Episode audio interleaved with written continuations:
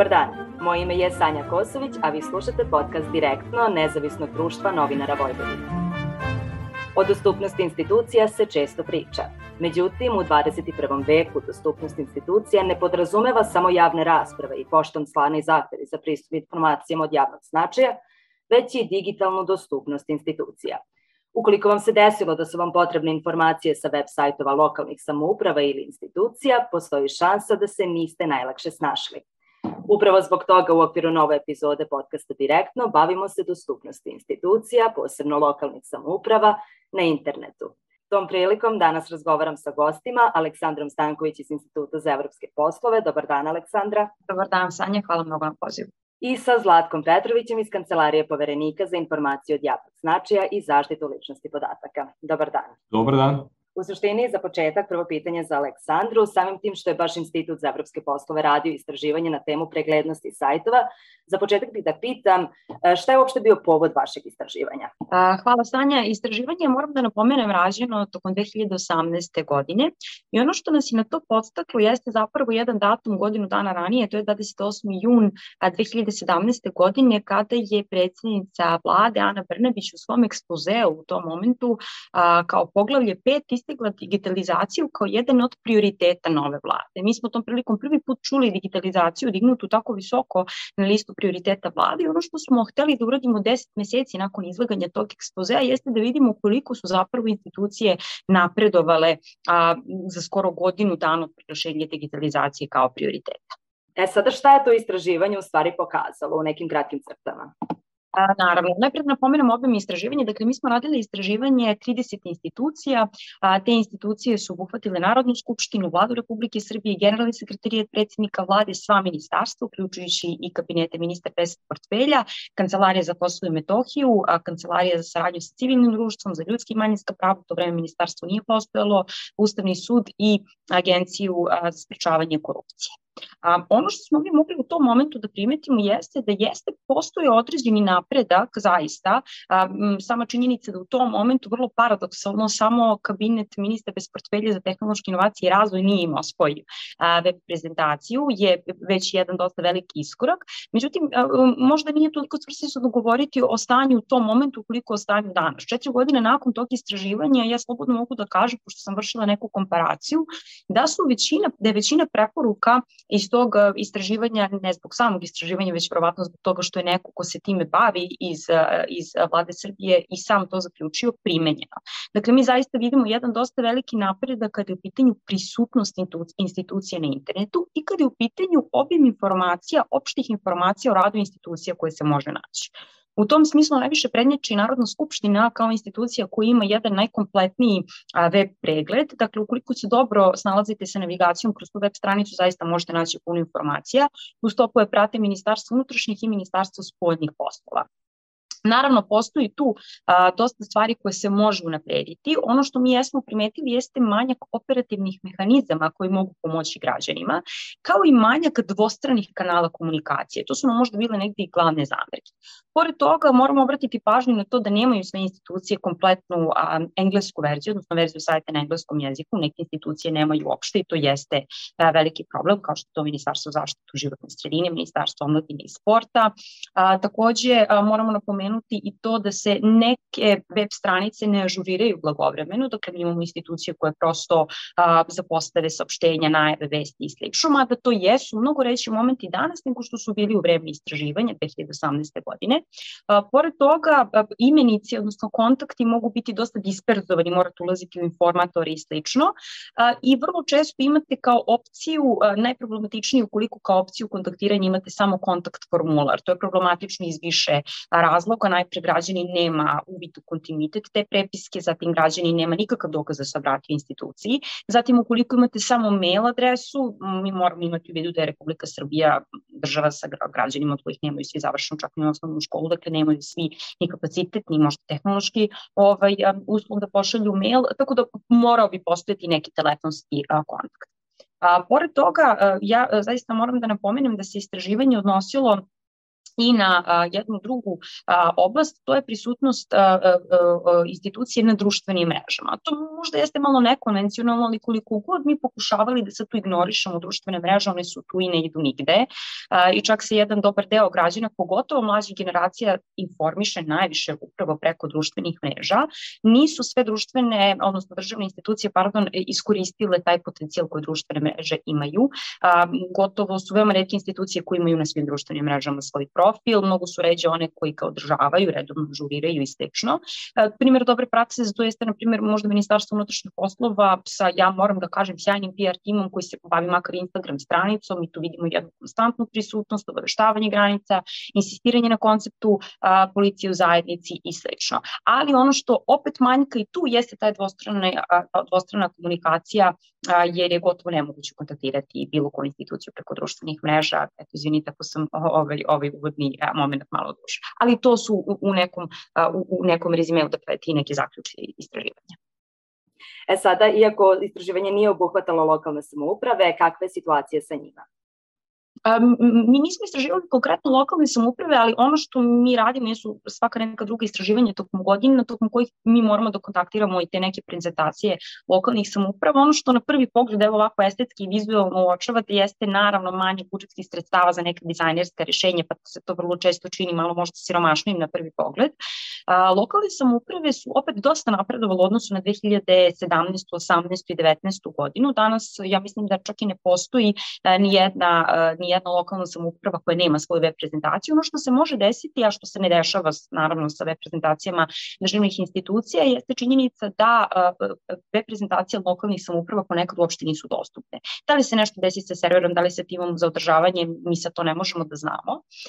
Ono što isto jeste za pohvalu kada su lokalne institucije u pitanju je i činjenica da imamo sve više lokalnih institucija na više jezika. Na primjer, lokalna, ovaj, pardon, lokalna samouprava ima web prezentaciju u Subotici na ja mislim, pet jezika, um, ali ukoliko, na primjer, uporedimo jednu mnogo siromašniju opštinu, kao što je opština Bujanovac, on ima samo delimično preveden a, svoj website na albanski jezik, što jeste problematično imajući u vidu a, procenat albanskog stanovništva u toj opštini.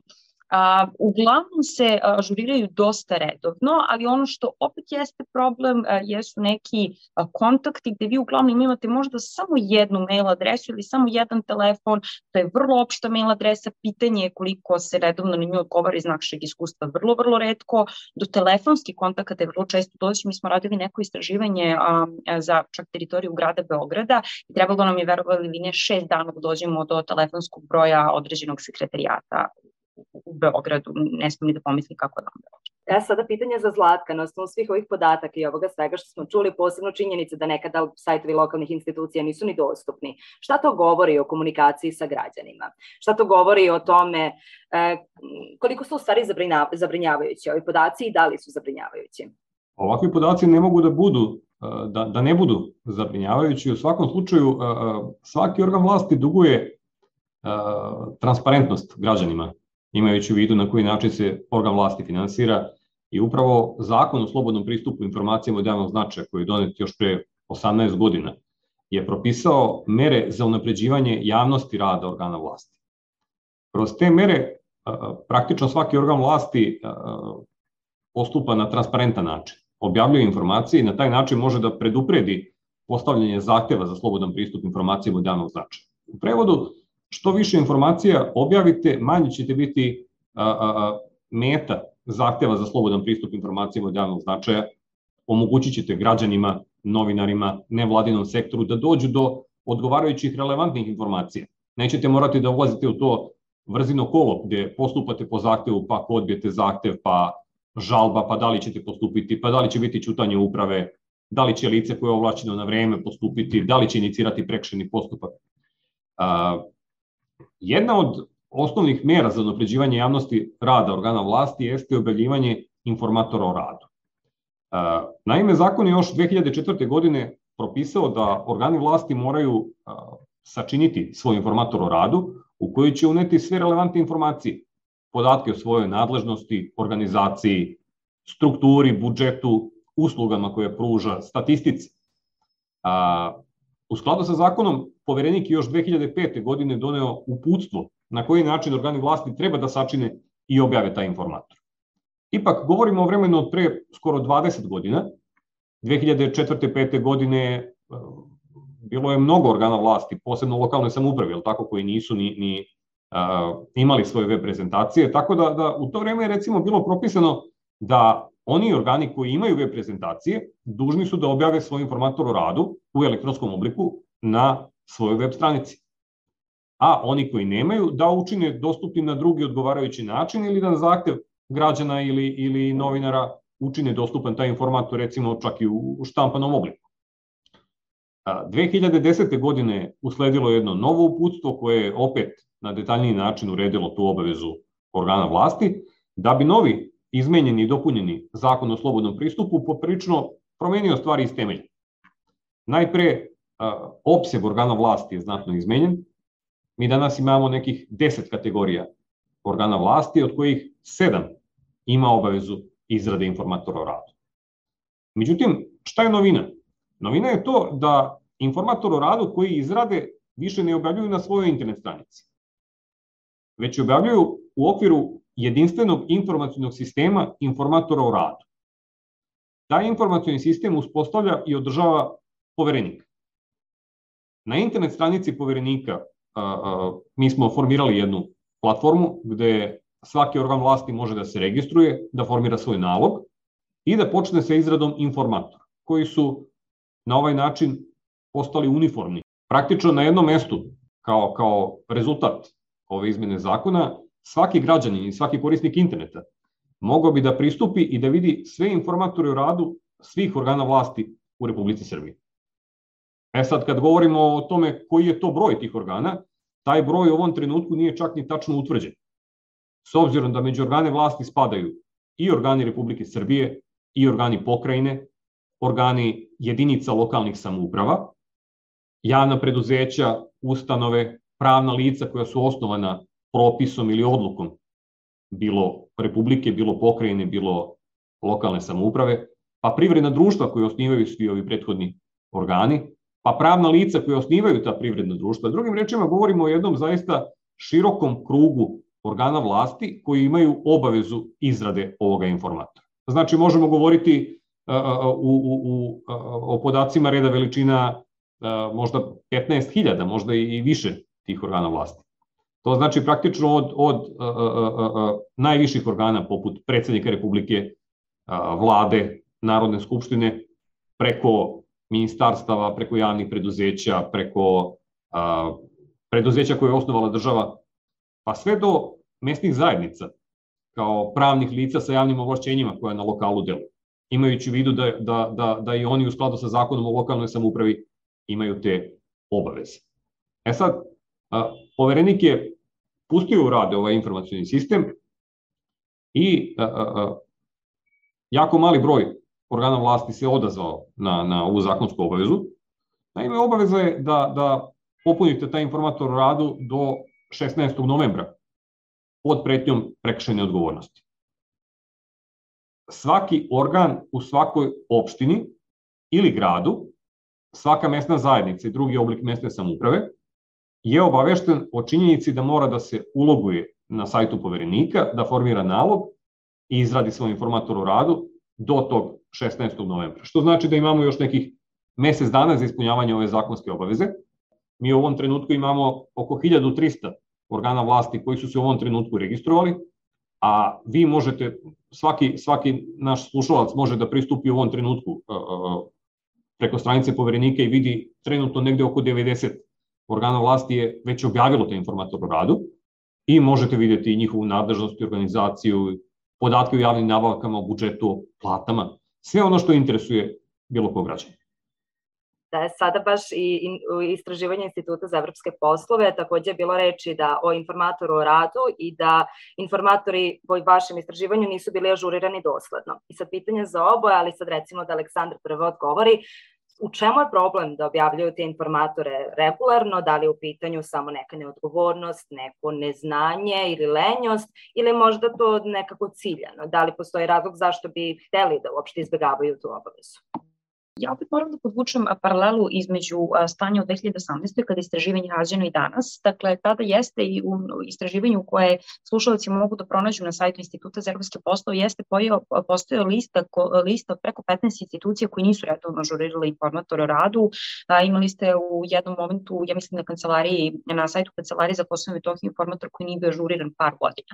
A, I to jeste bio problem. Međutim, um, ja sam za svrhu evo čisto i ovog intervjua uradila jednu kratku komparaciju informatora danas i oni su mnogo ažuriraniji. Svega sam ja mislim na par mjesta zatekla informatore koji nisu ažurirani i to nije se dešavalo da to bude neka razlika od po par godina, zato što mislim da je u tom momentu digitalizacija, insistiranje na digitalizaciji još uvijek bilo u povoju, a sada se na tome, na tome se mnogo više govori, zahtevi za to su mnogo veći, na kraju krajeva i građani, imam bar utisak, a, a gospodin Zlatko može, može da mi ispravi, da građani možda malo više praktikuju svoje pravo na, na pristup informaciju javnog značaja, institucije to prepoznaju i ovaj, zbog toga pokušavaju možda na neki način preduprede to uh, objavivši i ažuriravši informatora radu. Tako da zaista danas je stanje mnogo, mnogo bolje, pogotovo u toku septembra i oktobra je ažuriran, pogotovo u septembru 2002. godine, 2022. godine, pardon, je ažuriran veliki broj informatora. Tako da što se toga tiče stanje je unapređeno,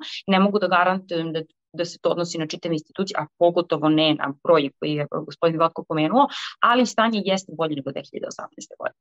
I mislim da je to zbog toga što prosto je čitav taj digitalizacijni proces dosta napredan. Što ne znači, moram da napomenem, da ne postoji još uvek e, mesto za usavršavanje i dalje.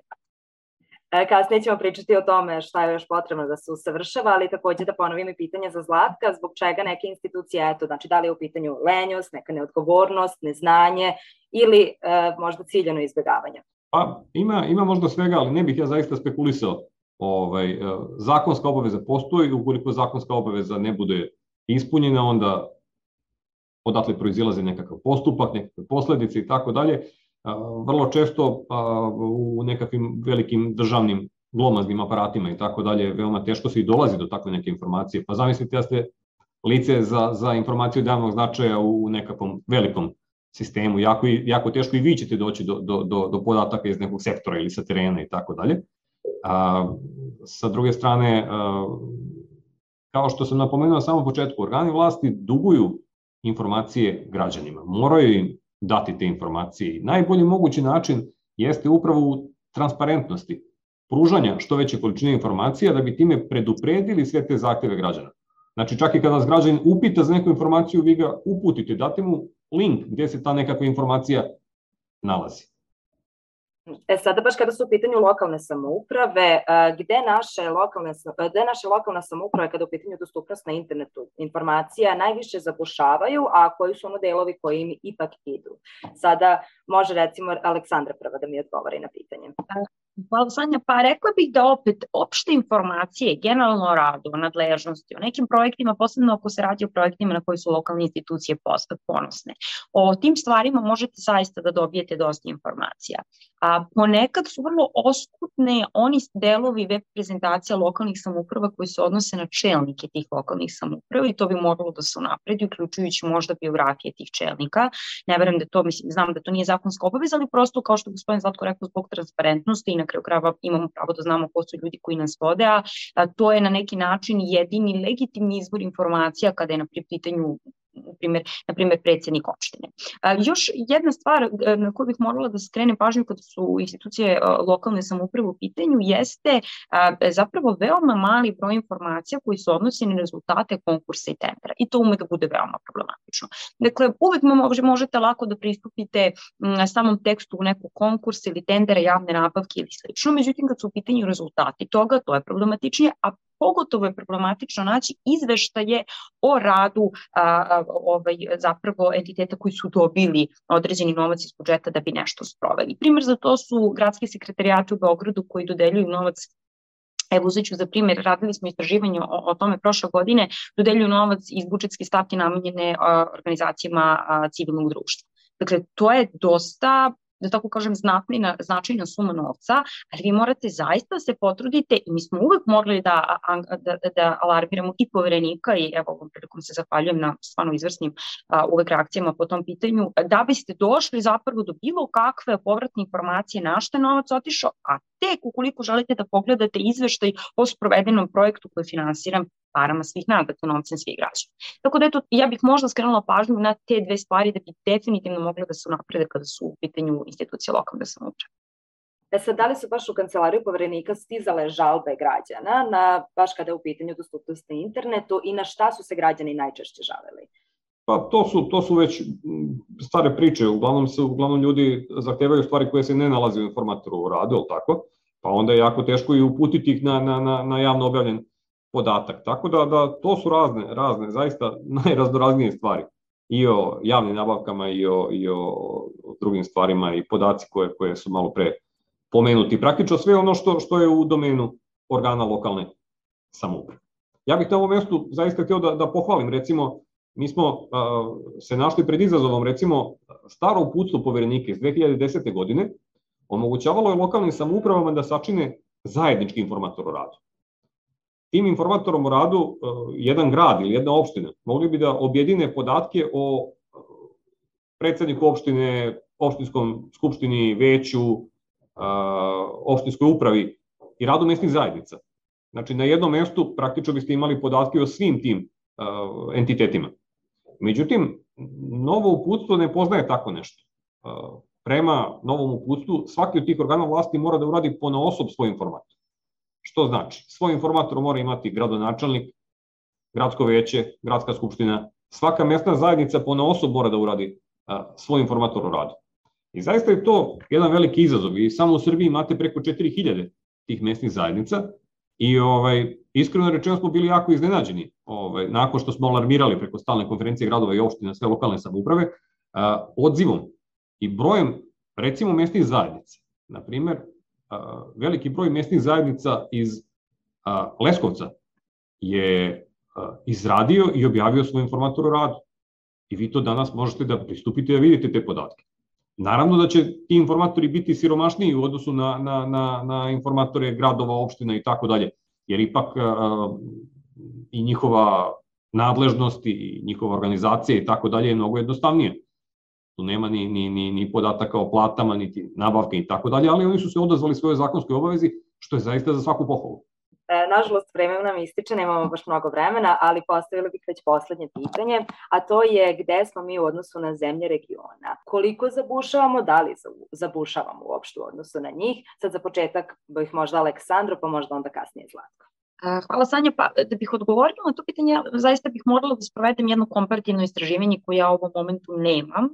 Vrlo redko zapravo, mislim, dosta ređe nego na, na web stranice srpskih institucija ili na web stranice institucije zemalja u regionu, ali ono što jeste svakako važno jeste da moramo da malo istražimo i da preuzmemo primere dobre prakse iz drugih zemalja, ne nužno zemalja u regionu. Naprimjer, mi imamo Francusku na čijem sajtu predsednik Republike se nalazi agenda predsednika koja se konstantno ažurira i vi stalno možete vidjeti gde je predsednik, a, ili, odnosno ne gde, nego na, na čemu je angažovan, šta radi, čime se bavi, u što je uključen. Mi to nemamo, ni za predsednika, ni za jednog ministra. Tako da neke takve stvari bi svakako morali da preuzimamo i da ih primenjujemo. E sad, gde smo odnosu na zemlje a, regiona, to zaista nemam odgovor na to pitanje jer nemam, nemam komparaciju. Da li vi imate možda još neki primjer dobre prakse, Zlatko? Ne bih nije imao posebno nekakvu komparaciju, ali tako, ovaj, s tim da što se regiona tiče manje više i u oblasti zaštite podataka o ličnosti i u oblasti slobodnog pristupa informacijama od davnog značaja, situacija je manje više